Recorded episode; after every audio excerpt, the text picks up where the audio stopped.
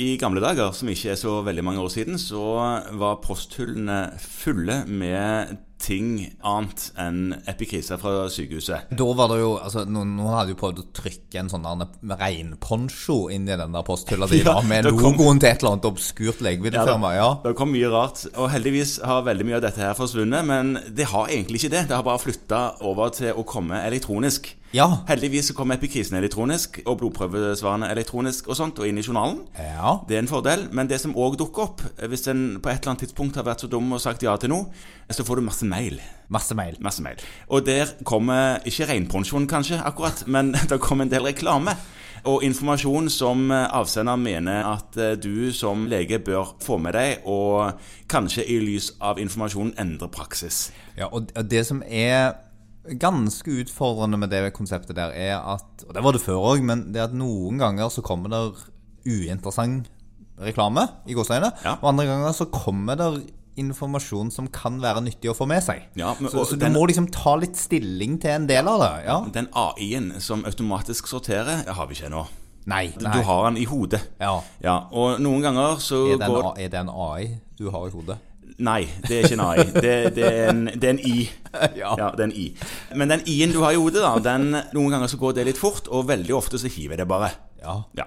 Og det er nok veldig ofte riktig, men her om dagen så dukka det opp en overskrift på en mail hvor det sto noe om et eh, antihistamin som brukes som eh, sovemedisin. Jeg får bare si hva mailen sa, da. Den snakket om Sonat ja. Og sa at eh, det som sovemedisin var å sidestille med Sopiklone.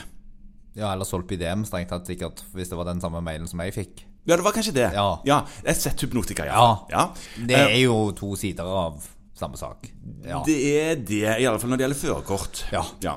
Og B-preparater er jo noe som man prøver å holde så lav forskrivningsgrad av som mulig. Så akkurat Ja. den mailen syns jeg var litt sånn Oi, tenkte jeg. Er det sånn at jeg kan bare selge inn et C-preparat, et antihistamin, som tilsvarende? Ja, Men det har du vel prøvd på lenge, Morten? Har du ikke det? Jo, jeg har jo det. Men så er det noe med tryggheten i ryggraden som eh, jeg håper smitter over til pasientene. Hvor sikker jeg er i min sak. Ja. Hvis, ja. Eh, Så da, på bakgrunn av denne reklamen i seg selv, som du da får fra produsenten, så tenk, produsenten, ja. tenkte du at eh, da, da må det være sant?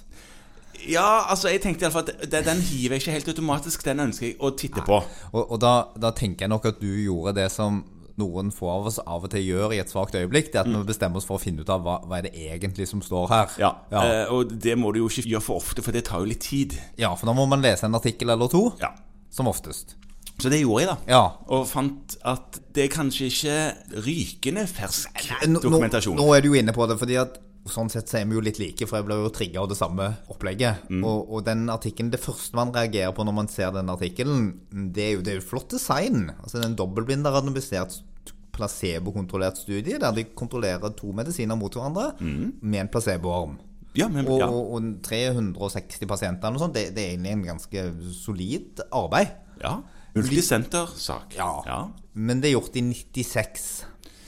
Det er gjort i 96, Ja. det begynner å bli litt tid siden. begynner å bli litt tid siden. Ja. Um, og eh, det er jo ikke sånn umiddelbart Altså, det, det er én referanse som listes i denne artikkelen på nettet.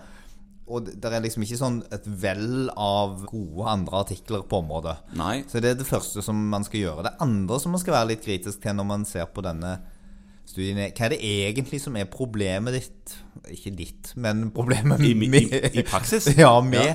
med pasienter som trenger sovemedisiner, Morten. Ja, problemet der, hvor en føler at en eh, ofte kommer til kort, er at en til stadighet skriver ut samme sovemedisin si, år ut og år inn. Ja, til samme pasienten. Til samme pasienten. Ja. Og det denne studien sier noen ting om, er hvordan var effekten hos en pasient med en nyoppdaget nyoppdaget søvnforstyrrelse som får denne medisinen i 15 dager. I to uker. Ja. Og så testa de òg, og det skal de ha all ære for. Hva skjer om du bråseponerer? Og det går bra i de fleste tilfeller. Ja, og Men- det er flott å vite, men det visste du kanskje? Ja, eh, for det problemet er egentlig ikke de pasientene som får medisin i én til to uker, og så bråseponerer fordi at de har en eller annen krise i livet sitt. Nei? Eh, Problemet er de som har endt opp i et løp der de har fått sovemedisiner fast over veldig, veldig lang tid. Og der du som forskriver sitter og lurer litt på om du nå bare sitter og behandler en abstinens. Ja. Og det sier denne studien ingenting om.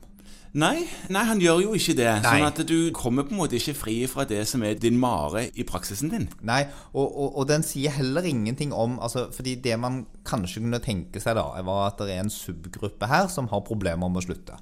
Ja. Ja, Og så sier han at det er ingen forskjell i gruppene. Eh, eh, nei, de Nei, det, Nei. det, det er ingen forskjell på de som fikk antihistamin eller Z-hypnotika. Mm. Så var det ikke noen forskjell i hvor mange som hadde problemer med, med seponeringen. nei. Men det forskningsspørsmålet som du egentlig lurer på, og det er jo kjempefint hvis en eller annen der ute har gjort den studien, eller har lest den studien og kan sende oss referansen på den, men det du lurer på er hvis du tar de få prosentene, jeg husker ikke helt hvor mange det var, men helt få, som hadde problemer med å slutte, Ja. på Z-hypnotika, og ser om det, de var en annen gruppe for eksempel enn de som fikk antihistaminer, mm. eller om de da ville respondert annerledes hvis du på en måte prøvde å skifte de over. Det er det du sitter og lurer på. Sånn at Ja. denne studien svarer egentlig ikke på det spørsmålet du i utgangspunktet hadde. Nei.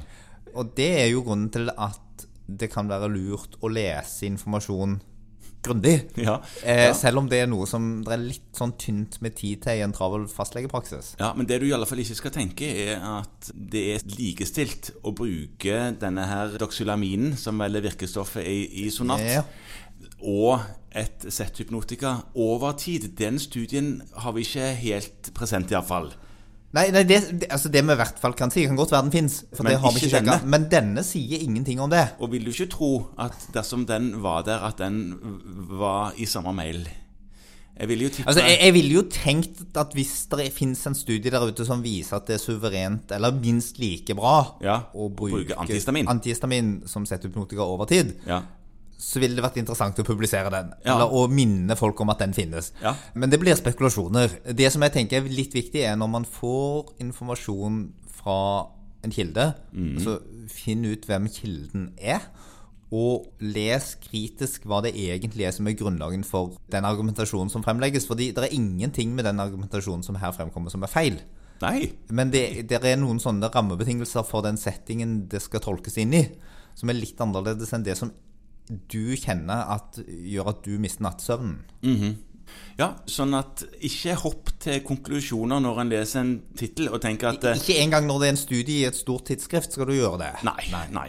Sånn at selv om du så gjerne skulle ønske at det bare var å bytte ut Z-hypnotika med doxylamin, så må vi vente litt med, før vi kan gjøre det med forskning i bakgrunnen. fall. Ja, og så kan vi legge til at det kan man godt få lov til å prøve det, men, men, men, men for all del så skal vi òg minne på at selv ikke antihistaminer i solide doser er helt bivirkningsfritt for en god del folk. Nei, en del blir litt groggy, for å si det mildt, dagen etterpå. Ja.